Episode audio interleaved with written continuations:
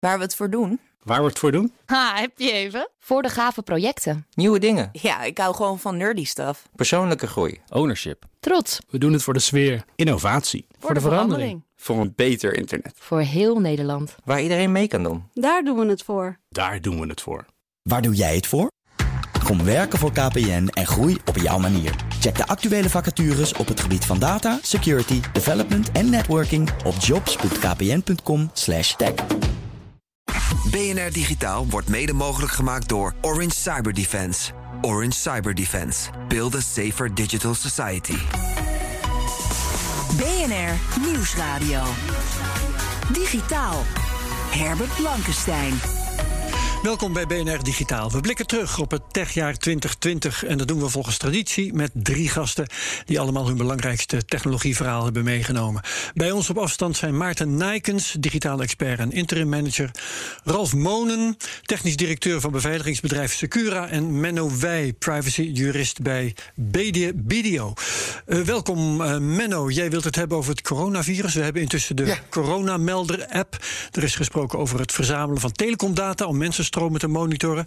En recent speelt er ook nog eens wat rond de registratie van wie straks gevaccineerd is en wat je mag met die informatie. En dan gaat het allemaal over privacy, privacy en nog eens privacy. Um, eerst om, als openingsvraag: hè, vind jij dat die privacy er moet zijn? Of zeg je als jurist, nou ja, het staat in de wet en dat is het enige waar ik mee te maken heb? Nee, ik zeg wel het eerste. Hè. Het is goed dat er privacy is, maar ik voeg er meteen aan toe. We moeten niet met z'n allen doorslaan. Uh, en ik had uh, toevallig gisteravond met mijn schoonvader het er even over, Max Dupri.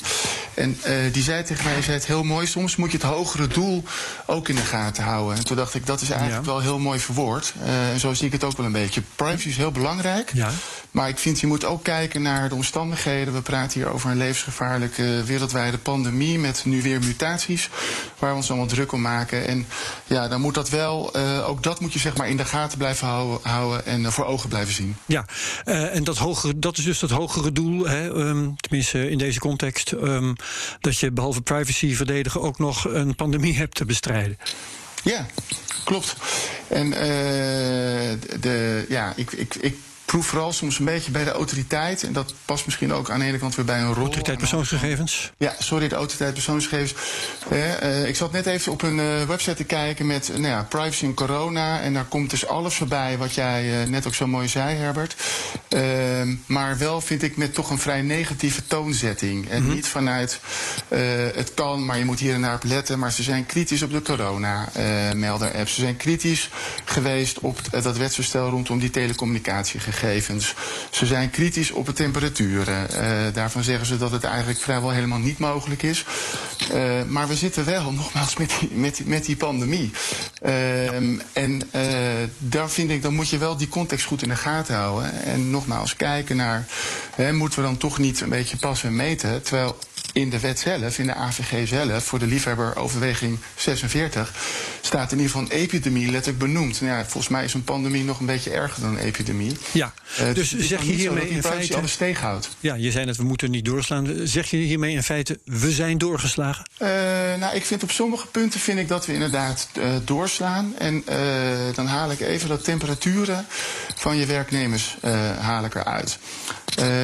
Als jij dat doet, uh, nou, neem BDO, groot kantoor, uh, dan kunnen en een pand uh, even, even los van de lockdown, hè, Herbert, want ja. dan blijven we natuurlijk liever met z'n allen thuis. Maar als we wel weer enigszins naar werk kunnen en er is nog wel corona. En je hebt nou ja, een poortje die gewoon registreert met een temperatuurmeter. Wat is je temperatuur? En dat stel je netjes in. En die ja. leest feitelijk alleen mijn temperatuur af. Kan je onschuldig, hè? Maar koppelt dat niet aan mij. Zegt gewoon, er staat uh, een poppetje voor de deur. En die temperatuur ja, is te hoog, poortje dicht naar huis. Uh, temperatuur goed, poortje open, je mag naar binnen. Ja, niemand hoeft te weten. Nou ja, uiteindelijk is natuurlijk wel bekend wie dan niet verschijnt. Maar uh, ter plekke van het apparaat. Het apparaat hoeft niet te registreren wie het is. De, gewoon, nee. Daar staat iemand en die stuurt terug.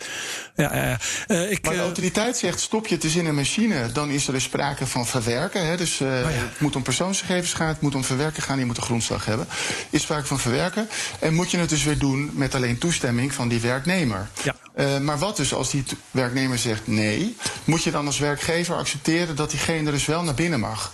De lijn die de autoriteit volgt is, ja, iemand die weigert uh, om uh, dat te doen, die mag je dus niet straffen vanuit de hiërarchie. Ja. Werkgever, werknemers staan natuurlijk in een bepaalde verhouding tot elkaar. Maar ik heb het laatst letterlijk nog in een blog opgeschreven. Moet je dan dus accepteren dat die werknemer, als die weigert, moet je die wel binnenlaten en moet je dan accepteren als werkgever dat hij misschien anderen besmet? Je hebt ook een zorgplicht uh, om de veiligheid voor je andere werknemers te ja, borgen. Dus okay, vind dit een heel goed voorbeeld dat we een beetje te veel doorslaan. Zeker. Uh, maar doorslaan, dat is, dat is een, uh, morele kwestie. En we hebben een pandemie te bestrijden, is ook een morele kwestie. Spreek ik jou toch even aan als jurist. Als de autoriteit zegt, ja, maar je verwerkt gegevens... als dat apparaat daar staat dat de temperatuur meet... dan moet je dat als jurist toch aanspreken? Zeker. Uh, en vind ik dat je dus uh, dan de ui goed moet pellen. En is het voordeel dat de AVG een Europese wet is, dus dat we ook een beetje om ons heen kunnen kijken wat doen andere toezichthouders.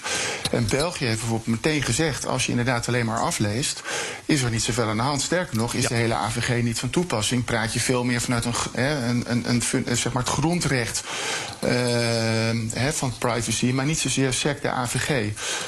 de autoriteit persoonsgegevens in Nederland is gelukkig hè, na enige tijd op dit punt wel wat bijgetrokken, maar ze zijn afgetrapt met niks daarvan. Dat mag niet. Uh, toestemming. En vervolgens zeggen ze ja, nee, maar werkgever, werknemer, toestemming, heel lastig, hè, kan je eigenlijk niet geven. Ja, dan blokkeer je dus iets. En mijn punt is, dat is niet waar de AVG of de privacy voor geschreven is, om iets te blokkeren waardoor het niet meer kan. Ja. Uh, zeker niet als je praat over een wereldwijde pandemie. Ja, ga ik even naar Maarten Nijkens, die we vaak hier halen als het gaat om sociale media en dergelijke. Vind jij nou dat die ja. privacy, uh, zeker tijdens de pandemie, te zwaar gaat meewegen? Want we blijven intussen wel ook gewoon Facebooken en Instagrammen.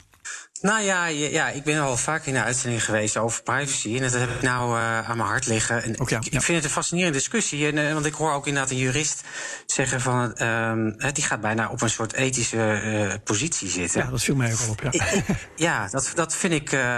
Nou ja, ik, ik vind dat misschien niet de meest zuivere positie als jurist die je moet innemen. Ik vind het eigenlijk wel aardig wat de AP doet. Uh, ik vind niet dat ze nu echt corona in de, uh, aan het stimuleren zijn of in de weg zitten, de bestrijding daarvan. Ik vind dat ze heel veel kritische kanttekeningen zetten. Uh, waardoor er wel een heel gezond dialoog ontstaat. Wat volgens mij echt wel nodig is, ook in het kader van een pandemie. Dus ik ben in die zin eigenlijk helemaal niet zo ongelukkig met de kanttekeningen die de AP zet. Want ik ben anders wel bang. Uh, dat, uh, dat we anders te snel uh, bepaalde beslissingen nemen waar we later spijt van kunnen krijgen. Ja, ja. En Ralf Monen wil ik ook nog even horen hierover. Die coronamelder is genoemd. Secura, dat is jouw bedrijf, heeft destijds onderzocht hoe dat met de beveiliging daarmee, daarvan zat. En daarmee met de bescherming van de privacy. Ja. Um, wat kwam er uit jullie onderzoek? Um, nou, wat we hebben gedaan is, we hebben een aantal onderzoeksvragen gedefinieerd. En die waren gebaseerd op uh, bepaalde requirements. Zo van, uh, nou ja, er moet niet terug te herleiden zijn, dit en dat. En de, de, de, zeg maar de, um, de locatiegegevens moeten niet worden meegestuurd. Er mag geen persoonlijke identifiers mee worden gestuurd. Ja. Dus het mogen dus, hè. Nou, dat hebben we allemaal gecontroleerd in de broncode. Hè. Dus niet door van buitenaf als een black box te kijken, maar echt de, de, de, de regels broncode hebben we onderzocht. En daar kwam eigenlijk uit dat er ongelooflijk goed over nagedacht was en dat vrijwel alle zaken waren geadresseerd. Dus wat ons betreft hadden we maar een paar kleine puntjes uh, die, uh, die nog verbeterd zouden kunnen worden. Um, en ja, dat, dat heeft ook geleid. Ook andere onderzoeken die andere bedrijven hebben gedaan, die hebben dat overigens ook onderschreven. Dus wij waren eigenlijk best wel heel tevreden. En ik, ik moet zeggen dat ik dus uh, inderdaad ook vind dat hier en daar op dat gebied de autoriteit persoonsgegevens wat doorschiet.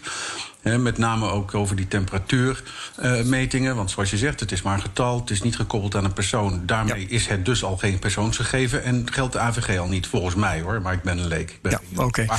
Dan ga ik nog even reageren. Ja, natuurlijk. En dat is dan tot slot van dit onderwerp. Oké, okay, ik wil op de.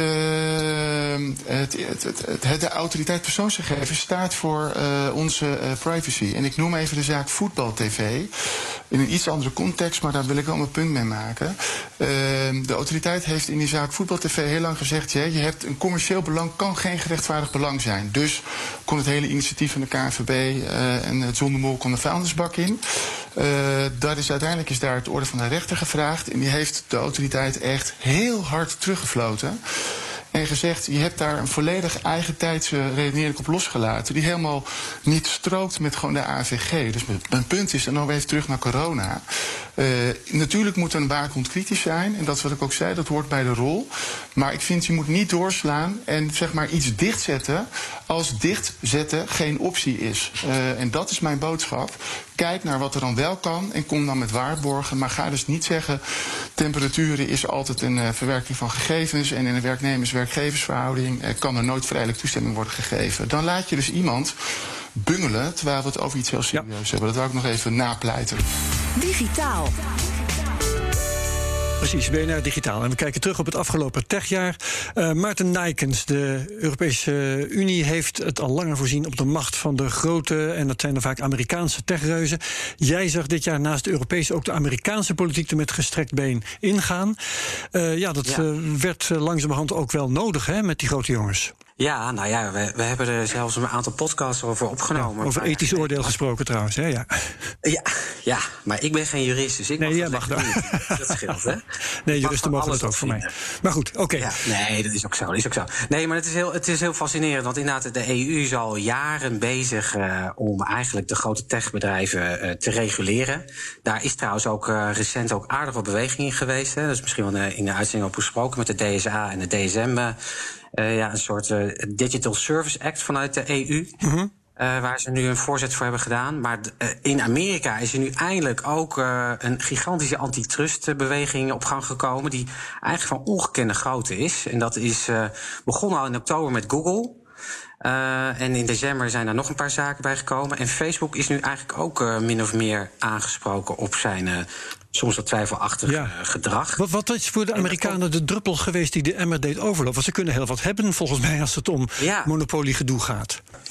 Kijk, dit speelt al zo lang. Er wordt, is al zo lang ook de vraag om regulering. Uh, en dat gebeurde maar niet en dat gebeurde maar niet. Hè. Of het gebeurde wel eens halfslachtig en dan kwam er een soort boete. Hè, voor, voor Google bijvoorbeeld is er een aardige boete geweest. En voor Facebook ook. Maar ja, dat was echt peanuts. Maar het gebeurde niet. En, um, ja, en toen zijn er natuurlijk aardig wat hoorzittingen geweest. Hè. Echt een hele hoop. Met denk ik een soort, soort hoogtepunt uh, ja. afgelopen zomer. En konden we zelfs, ik heb zelfs nog een keer live meegekeken. Maar dat Mark Zuckerberg moest uitleggen dat die, dat die advertenties, uh, dat met advertenties aan de kost kwam. Ja, precies. Het was soms bijna aandoenlijk om naar te kijken. Dat je bij, bij een soort slapstick. Dus ik moet zeggen, ik had er ook niet zoveel van verwacht. Daar zijn toch wel, uh, achter die senatoren die al, die al die rare vragen aan het stellen waren, zitten er natuurlijk toch wel vaak uh, slimme, slimme ambtenaren. Die hebben een heel mooi rapport opgesteld. En dat rapport is denk ik een beetje de druppel geweest, want in het rapport staan zoveel ja, aanmerkingen op het gedrag van de Big Five eigenlijk. Met allerlei bewijsvoeringen ook daarachter. Want er is gigantisch veel door e-mailconversaties heen gegasduind van alle grote bedrijven. Ja. Ja, en dat rapport heeft denk ik gezorgd voor zowel aan de republikeinse kant als de democratische kant van ja, oké, okay, uh, we, zijn het, we zijn het over niks met elkaar eens, maar dit is misschien een onderwerp waar we het wel met elkaar eens zijn. Uh, laten we het nu maar gaan aanpakken. En dan moet ik wel zeggen, dat gebeurt zozeer niet in het congres, want dat blijft hier nog verdeeld over. Maar je ziet nu dus in alle staten allerlei rechtszaken beginnen. Oké, okay. en, en uh, ja. die beginnen het met elkaar eens te worden. Maar opmerkelijk is ook dat Europa en Amerika het met elkaar eens lijken te gaan worden. Tot nu toe was altijd Europa vooral dat moeilijk daarover deed. Komt Amerika nou bij? Um, betekent het iets praktisch uh, dat ze nu de, met de neus dezelfde kant op staan? Kan er dan nu echt wat gaan gebeuren? Ja, ja nou, dat is, ja, daar heb ik ook naar gezocht. Maar toen kwam ik er toch wel achter dat eigenlijk de EU en Amerika op, op dit vlak niet met elkaar eens zijn. Wat je in Amerika nu ziet gebeuren is dat er een antitrustzaak wordt uitgezet. Hè, en die kan echt vele jaren in beslag gaan nemen. Ja.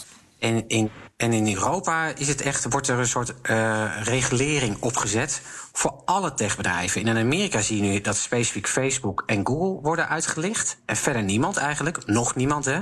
De Amazon wordt ook genoemd. En Apple ook eigenlijk. Maar uh, de EU heeft een, echt een significant andere benadering in dit, uh, in dit traject. Ja. En je zult zien dat die antitrust bijvoorbeeld in Amerika richting Facebook en ook Google...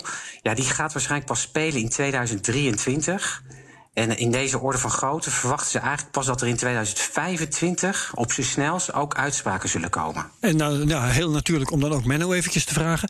Uh, wat denk jij dat er kan gaan gebeuren? Ja, we zijn eigenlijk aan het terugblikken, hè, maar uh, ja. bij terugblikken hoort dan ook even de andere kant op kijken.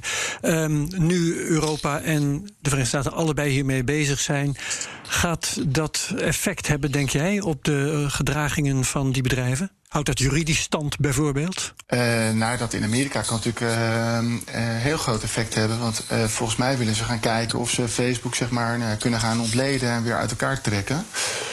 inclusief zeg maar alle andere labels ja, en brands. En dat, daar is ook sprake van vanuit Europa. Maar uiteindelijk kan alleen de Verenigde Staten kunnen dat doen, hè, volgens mij. Want de bedrijven zijn daar gevestigd. Je kunt moeilijk een bedrijf in Europa opsplitsen terwijl het in Amerika woont. Ja, maar zodra, Facebook uh, zeg maar in Europa zaken doet, gelden natuurlijk ook die, uh, die regels. Dus het is niet zo dat het dan, uh, zou ik denken, alleen in Amerika kan. Wat ik me wel kan voorstellen is dat de Europese zeg maar, mededingingstoezichthouders een wat meer afwachtende houding aannemen. Nu ze weten dat in Amerika actie loopt en flinke actie. en dat klopt, hè, er wordt hier nu meer gefocust op, op regulering. Uh, waar ja, uh, onderscheid wordt gemaakt volgens mij tussen grote spelers en uh, kleinere spelers. Daar wordt ook nog flink gelobbyd. Ik weet dat bijvoorbeeld de Dutch Startup Association, die is ook regelmatig bij BNR, daar het ook het nodig vindt vanuit de kleinere spelers. Dus het is wel heel spannend wat daar gaat gebeuren. maar dat Europa bezig is, ook Europa bezig is met de grote big tech spelers, dat, dat is natuurlijk nu wel duidelijk. Ja. Uh, dus spannend. Maar wat er, er precies uitrolt, dat vind ik eerlijk gezegd wel weer wat lastig te voorspellen. Precies, ja. ja. Ralf Molen nog eventjes vanuit beveiligingsoogpunt. Uh, hou jij je met deze zaak bezig? Is dit voor beveiligers belangrijk? Um, nou, minder qua, qua zeg maar, informatiebeveiliging in het algemeen. Maar wederom speelt daar natuurlijk het privacyaspect. Ja. En het ver, ver, ja, verweven van al die diensten en het delen. En dat heeft natuurlijk ook alles met veiligheid te maken. Ja. Informatie over he, identiteitsdiefstal en dergelijke, dat speelt allemaal mee. Ja, precies. Maar ja, goed, de meeste mensen zetten dat soort gegevens met uh, veel liefde op uh, Facebook en Insta. Dat is waar. Dus er, is, er is niet alleen een, een, een, juridisch en ethisch vraagstuk. We moeten ook gewoon heel erg aan gedrag en awareness werken. En dat mensen gewoon ook ja, zich terdege bewust zijn van de mogelijke gevolgen van wat ze daar allemaal uitspoken op die social media. Ja, ja. De mensen is daar dus straks schakel volgens mij. Eh, Maarten Nijkers, wat uh, wou je zeggen? Ja, nou dat punt van privacy is wel interessant, hè? Want dit, dat wordt nadrukkelijk nu opgespeeld in een rechtszaak vanuit New York uh, naar Facebook, waar ongeveer 47 staten nu op hebben aangehaakt. Die zeggen eigenlijk Facebook is dusdanig groot, hè, dat het uh, dat voorheen konden we nog stellen dat de privacy van gebruikers niet in staat of uh, in het gedrang was en dat ze nog naar andere plekken zouden kunnen gaan. Maar dat is nu feitelijk niet meer mogelijk. Dus hè, de privacy van gebruikers wordt nu ook daadwerkelijk eindelijk eigenlijk als, als een argument opgespeeld in een, in een rechtszaak. Voorheen werd dat eigenlijk niet zozeer uh, gebruikt. Maar nu zeggen ze dus, ja, Facebook is zo groot geworden, heeft zoveel data. Uh, gebruikers zijn zo afhankelijk ook van Facebook geworden.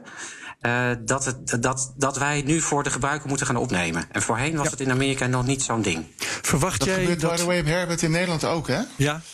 Uh, dus in Nederland heeft de Consumentenbond een zaak uh, tegen Facebook aanhangig gemaakt. En er loopt ook een zaak tegen Oracle en Salesforce. Uh, beide vanuit de privacy Ja, ja oké, okay, nog genoeg om naar uit te kijken.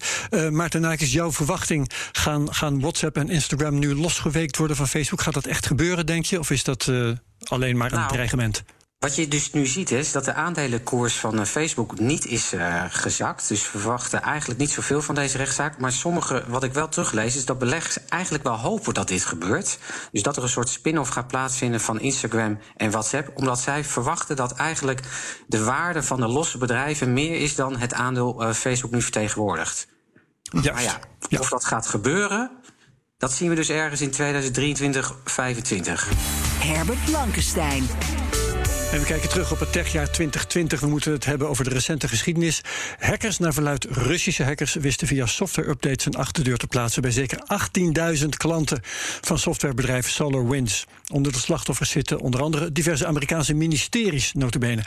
Inmiddels is het de grootste supply chain aanval tot nu toe. Ralf Monen van Secura, de grootste zaak van het jaar, of is het alleen maar de meest recente die net toevallig het uh, meest vers in het geheugen zit? Nou, uh, uh, hij is absoluut groot. Um, eigenlijk ja, groter dan dit Uh, kan ik me er geen heugen. Of je moet teruggaan naar een meer spectaculaire, de Stuxnet-aanval hè, op, die, op de ja. nucleaire verrijkingsinstallatie. Dat is al jaren geleden. Ja. Ja, ja, ja, ja. Die, was, die was eigenlijk spannender en spectaculairder, maar toch ook weer niet. Want deze is zo impactvol. Dit is echt gewoon niet te geloven. En het, het is nu net bekend aan het worden dat het niet één hack was, maar dat er twee statelijke actoren, waarschijnlijk twee verschillende statelijke actoren, um, dus achterdeuren hebben ingebouwd in die SolarWinds producten. Dus, Hoe moet ik dat opvatten? Uh, uh, Russen en ook nog van een andere nationaliteit? Is dat wat je bedoelt? Ja, dat, dat, dat, dat is heel goed mogelijk. En hebben die ja, dan samengewerkt? Ja, ja. Nee, dat lijkt erop dat ze niet hebben samengewerkt. Want de twee methodes die ze hebben toegepast zijn uh, gewoon totaal verschillend. Dus de ene heeft de broncode aangepast. Ja, de ene heeft de broncode aangepast. En de andere heeft de, de bouwomgeving, de distributieomgeving aangepast. Dus het lijkt erop dat twee verschillende partijen te grazen hebben gehad. Ja, en uh, het heeft tot gevolg dat uh, bij allerlei bedrijven en dus ook overheidsdiensten malware is geïnstalleerd. Um, ja, de vraag ja. bij, bij dit soort infecties is vaak van nou, hoe kom je er weer vanaf? Maar mijn vraag is nu eigenlijk: is dit nog wel ongedaan te maken? Of zitten die Russen nu en die andere nationaliteiten in zoveel systemen dat je ze eigenlijk nooit meer wegkrijgt? Ja, dat, uh, dat, dat laatste is inderdaad wel plausibel. Um, ik, ik, ik, kan het niet met zekerheid uh, bevestigen natuurlijk, maar je moet het zo zien. Er zijn ongelooflijk veel bedrijven die gewoon niet de competenties hebben om hun netwerk op te schonen.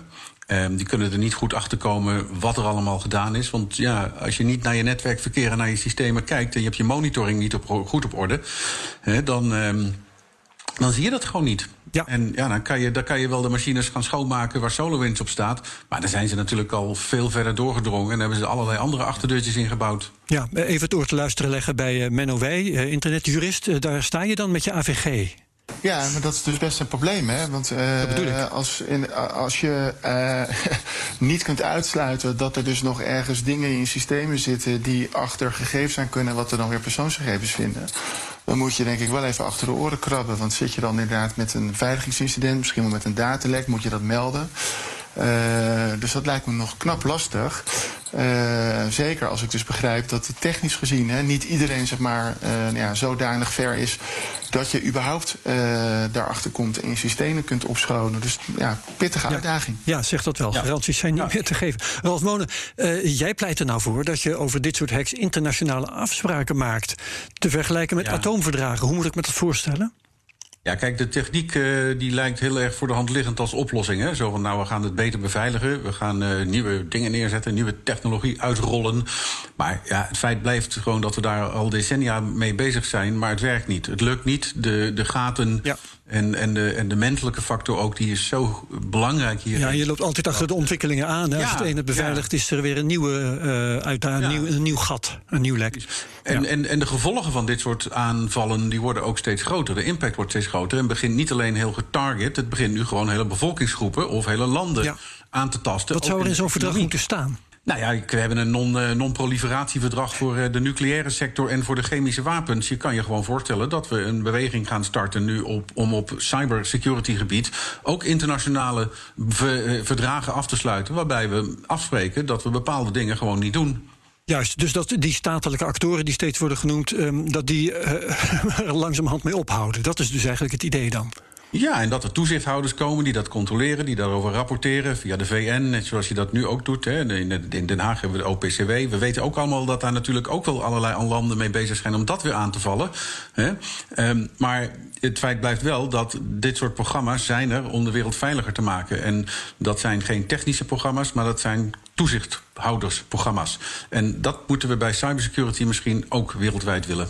Ja, ja. Uh, Maarten Nijkens, uh, niet alleen big tech is dus grensoverschrijdend. Uh, we hebben ook nog big crime. Daar geldt hetzelfde voor. Nou ja, ik, ik, ik vind deze hack wel echt onvoorstelbaar hoor. Ik, en, en wat ik ook wel opvallend vind, kijk, wij hebben het er nu over, maar ik heb het idee dat het in de, hè, de mainstream media, zoals het tegenwoordig heet. Mm -hmm niet echt groot is opgepakt. Terwijl je de in, inderdaad de implicaties, niet alleen in Amerika, maar denk ook in Europa, echt gigantisch zijn. Dus ja, ik hoor net dat we er nooit vanaf komen. ja, nou ja, dat wordt ook niet in dit programma benoemd. Ja. ja. Nee, nee, en dat verbaast me ook niks. En dan denk ik echt van, uh, jeetje, dat, daar hoor je dan... Uh, we hebben terecht heel veel over corona, maar dit, dit, dit is ook echt wel echt groot, groot nieuws, vond ik. Maar ik, uh, ik zie het meer een beetje in, in de niche verdwijnen weer. Terwijl je ziet inderdaad hoe, hoe uh, allesomvattend het aan het worden is. Ja, ik weet ja, trouwens ja, maar dat komt natuurlijk dit, ook... zich nou leent voor verdragen, maar dat is een andere discussie. Ja, Ralf. Nou ja, ik denk het wel. Maar weet je, het is ook uh, omdat veel bedrijven die getroffen zijn, die gaan dit echt niet naar buiten brengen. Kijk, terwijl als jij volgende week een nieuwsartikel hebt dat uh, de top 5 van de, de top 10 Nederlandse beursgenoteerde bedrijven geraakt is hierdoor, dan is het opeens wel nieuws natuurlijk. Maar dat gaan ze natuurlijk nooit bevestigen. En ik nu, zeg niet dat dat zo is, maar het is een voorbeeld. Ja, nou heeft uh, Joe Biden gezegd, hij wordt straks president, dat hij met bondgenoten afspraken wil maken over dit soort zaken. dat, dat doet een beetje denken aan jouw plan, Ralf, maar -hmm. hij ja. denkt denkt er dan misschien niet aan dat het nou juist je vijanden zijn en niet je bondgenoten waar je in dit geval afspraken mee moet maken. Um, ja, zijn, zijn plan is kansrijker, want je hoeft alleen maar met je bondgenoten te praten. Uh, maar jouw plan, als het zou lukken, heeft meer invloed. Weeg het eens af. Eh, ja, nou kijk, ik denk dat je het wel kunt beginnen met, met je bondgenoten afspraken te maken. Ik denk dat dat ook gebeurt al. Ik weet 100% zeker, want uh, wij hebben als Nederland natuurlijk ook ruim contact met de Computer Emergency Response Teams van, van onze bondgenoten. Um, maar er zijn, er zijn gewoon beperkingen in, in wat kan en wat gedeeld kan worden. En daar komt ook weer die AVG natuurlijk om de hoek kijken. Want ja, als jij weet dat bepaalde IP-adressen gerelateerd zijn aan een bepaalde aanval, dan zijn IP-adressen volgens de AP ook weer persoonsgegevens. Technisch gezien natuurlijk nonsens, maar ja. volgens de AP wel. Dus uh, die mogen dan weer niet gedeeld worden, et cetera, et cetera. Dus daar moeten gewoon wel wat dingen over geregeld gaan worden in de wet. En, en okay. het hoeft dan misschien nog niet eens in een, in een, in een uh, anti-proliferatieverdrag voor cyberwapens. Maar, uh, maar liever wel. tussen bondgenoten onderling kan zeker bijdragen. Oké, um, hier moeten we het bij laten. Wat BNR Digitaal betreft, bedankt Ralf Monen, Menno Wij en Maarten Nijkens. Je kunt BNR Digitaal terugluisteren via bnr.nl, onze app... of waar je ook maar naar je podcasts luistert. En dan vind je ook mijn andere podcast, de Cryptocast... de Technoloog en Space Cowboys. En in de komende uitzending kijken we vooruit naar het techjaar 2021. Heel graag tot dan. BNR Digitaal wordt mede mogelijk gemaakt door Orange Cyber Defense... Orange Cyber Defense. Build a safer digital society. Bij BNR ben je altijd als eerste op de hoogte van het laatste nieuws. Luister dagelijks live via internet. Bas van Werven. En heel langzaam komt de zon op rond dit tijdstip. Je krijgt inzicht in de dag die komt op BNR, het Binnenhof in Nederland en de rest van de wereld. De Ochtendspits. Voor de beste start van je werkdag. Blijf scherp en mis niets.